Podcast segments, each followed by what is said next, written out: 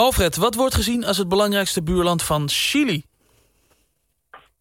Ja, we, we hebben hier drie in de aanbieding. En ik, ik hoor net uh, Patricia zeggen uh, even boodschappen doen over de grens. Ja, dat is hier toch wel even andere koek, hè? Vanuit Santiago uh, denk ik dat je het snelst nog in, in Argentinië bent. Ja. Dat is volgens mij dan ook meteen het belangrijkste buurland. Maar dan hebben we het al over een, over een uurtje of zes. Ja, dat, dat is wel wat ik, wat ik de hele tijd hoor. Ook uh, uh, van Monique, die zegt ook... Um, als, je van, als je ergens naartoe wil, van de een naar de andere stad... ben je zo tien uur bezig, vijf, zes, zeven. Ja, dat, dat de tijdrovende zaak daar.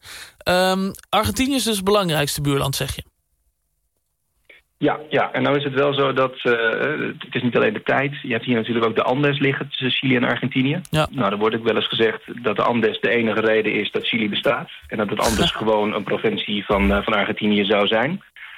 Maar uh, Chili ligt dus eigenlijk een beetje met zijn rug ook naar Argentinië toe. Zoveel interactie is er eigenlijk niet. En ik denk dat het ook wel helpt om, uh, om de relatie een beetje goed te houden. Want uh, ja, de Argentinië zou je een beetje kunnen zien als, uh, als de grote broer. Hè? En, en broertjes, ja. ja, die, die vechten wel. Maar echt heftig wordt dat nooit.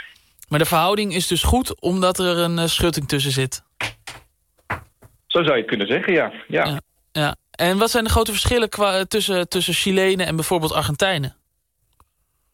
Nou, de, de Chilenen, ik, ik moest er in het begin ook even aan wennen... maar die worden ook wel een beetje de Engelsen van Zuid-Amerika genoemd. Ja. Dus het zijn uh, uh, eigenlijk nog best wel rustige, ingetogen mensen... die hun mening nog een beetje voor zich houden. En uh, ja, de Argentijn die is toch wel wat meer uitgesproken, toch wel wat meer aanwezig. En dan, mm. dan zeg ik het heel voorzichtig. ik, ik heb ooit, een, een, kennis van ons is een Argentijn. Ik ben er ooit bij zwager geweest. En nou kan mijn zwager, die kan heel goed tafeltennissen. Ja. En het leek die Argentijnse jongen een ontzettend leuk idee als wij gingen tafeltennissen. Hij begon tegen mij. Nou, ik kan er helemaal niks van. Dus het was voor hem hartstikke leuk. Ja. Alleen, ja, allemaal vriendschappelijk. Ik word er dan keurig in, in twee sets met 2-0 afgetikt. En uh, dan denk ik, het was leuk. Je was beter. Ja. En uh, daarna mocht, uh, mocht de Argentijn tegen mij zwagen. Ja, mijn zwager was wel een stukje beter. en nou, toen begon het echt. Vloeken, tieren, bedjes kapot slaan op de tafel... schoppen, weglopen, terugkomen, nog meer vloeken. En uh, ja, al, uh, al vechtend ging hij ten onder. Maar, maar dat is dus typisch Argentijns. Dus verliezen uh, kan eigenlijk niet, bestaat niet. ook dat, maar, maar vooral ook het, het ontzettend uitgesproken in, in, in, de mening. Dus ja, dus, dus ook als, als, als wat, wat goed gaat of fijn gaat... of als, of als Argentinië wint met de voetballen... Ja, ja dan, dan hoor je de Argentijn wel. Ja, ja precies. met welk land zijn de verhoudingen het minst goed?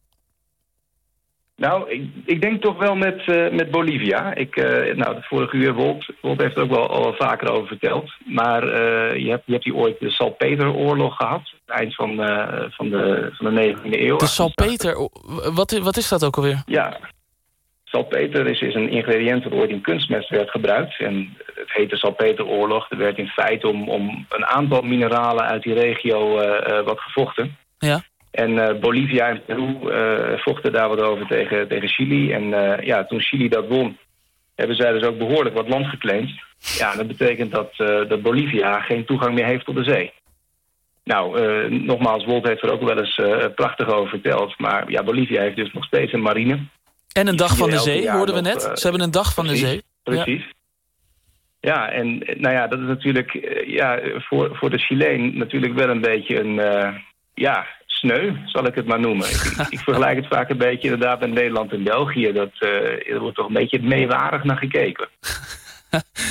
en uh, was er laatst niet uh, zoiets met een, een stuk zee dat nog werd geclaimd door een ander land? Was het Bolivia of was dat weer een ander land? Ja, dus Peru en Bolivia die gingen samen de strijd aan met Chili. Die hebben daar dus allebei verloren en, en daar is ooit de grens vastgesteld. En nou, zowel Peru als Bolivia is daar nog steeds niet mee eens. Die hebben dus beide allebei nog uh, claims bij het internationaal gerechtshof liggen in Den Haag. Ja. En nou ja, laatst was er dus een uitspraak waarin Peru een stukje zee uh, kreeg toegekend uh, ten koste van Chili, min of meer. Heeft ermee te maken met, je, hebt, je hebt de territoriale zee, die, die loopt tot 200 zeemijl uit de kust. En net waar Peru aan Chili grenst, gaat, gaat de kust een beetje de bocht om. Dus als je vanuit Peru kijkt, uh, dan, dan ligt die grens net iets anders dan als je vanuit Chili kijkt. Nou, daar bleef dus een driehoekje over.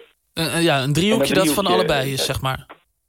Ja, wat, wat ze in ieder geval allebei wilden hebben. Ja. Daar hebben ze heel lang uh, over geprocedeerd. En uiteindelijk werd dat driehoekje zee dus van Peru.